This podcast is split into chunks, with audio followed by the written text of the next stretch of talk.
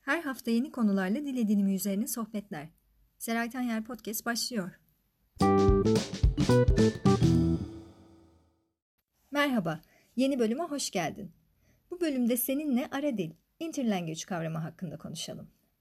Ara dil, 1972'de Larry Selinger tarafından ortaya atılan bir terimdir ve ikinci dil öğrenenlerin yetileri ve bu yetilerin kaynağını tanımlamayı amaçlamıştır. Ara dil, her ikisinden de etkiler gösterse de öğrencilerin ana dillerinden ve ikinci dillerinden bağımsız özel bir yetiye veya dile sahip oluşlarına işaret eder.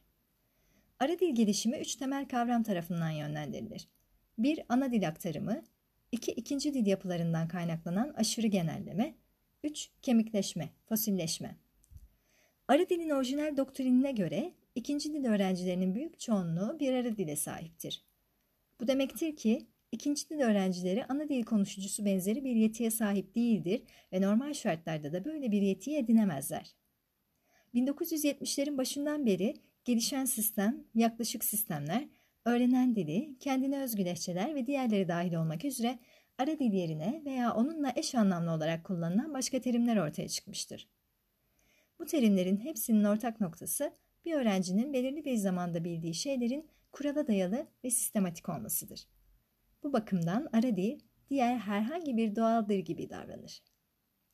Sevgili dinleyici, bu bölümün öğrencilerin ana dillerinden ve ikinci dillerinden bağımsız özel bir yeti olan ara dil kavramına dair söyleyecekleri burada noktalanıyor. Başka bir bölümde yeniden bir araya gelmek dileğiyle. Müzik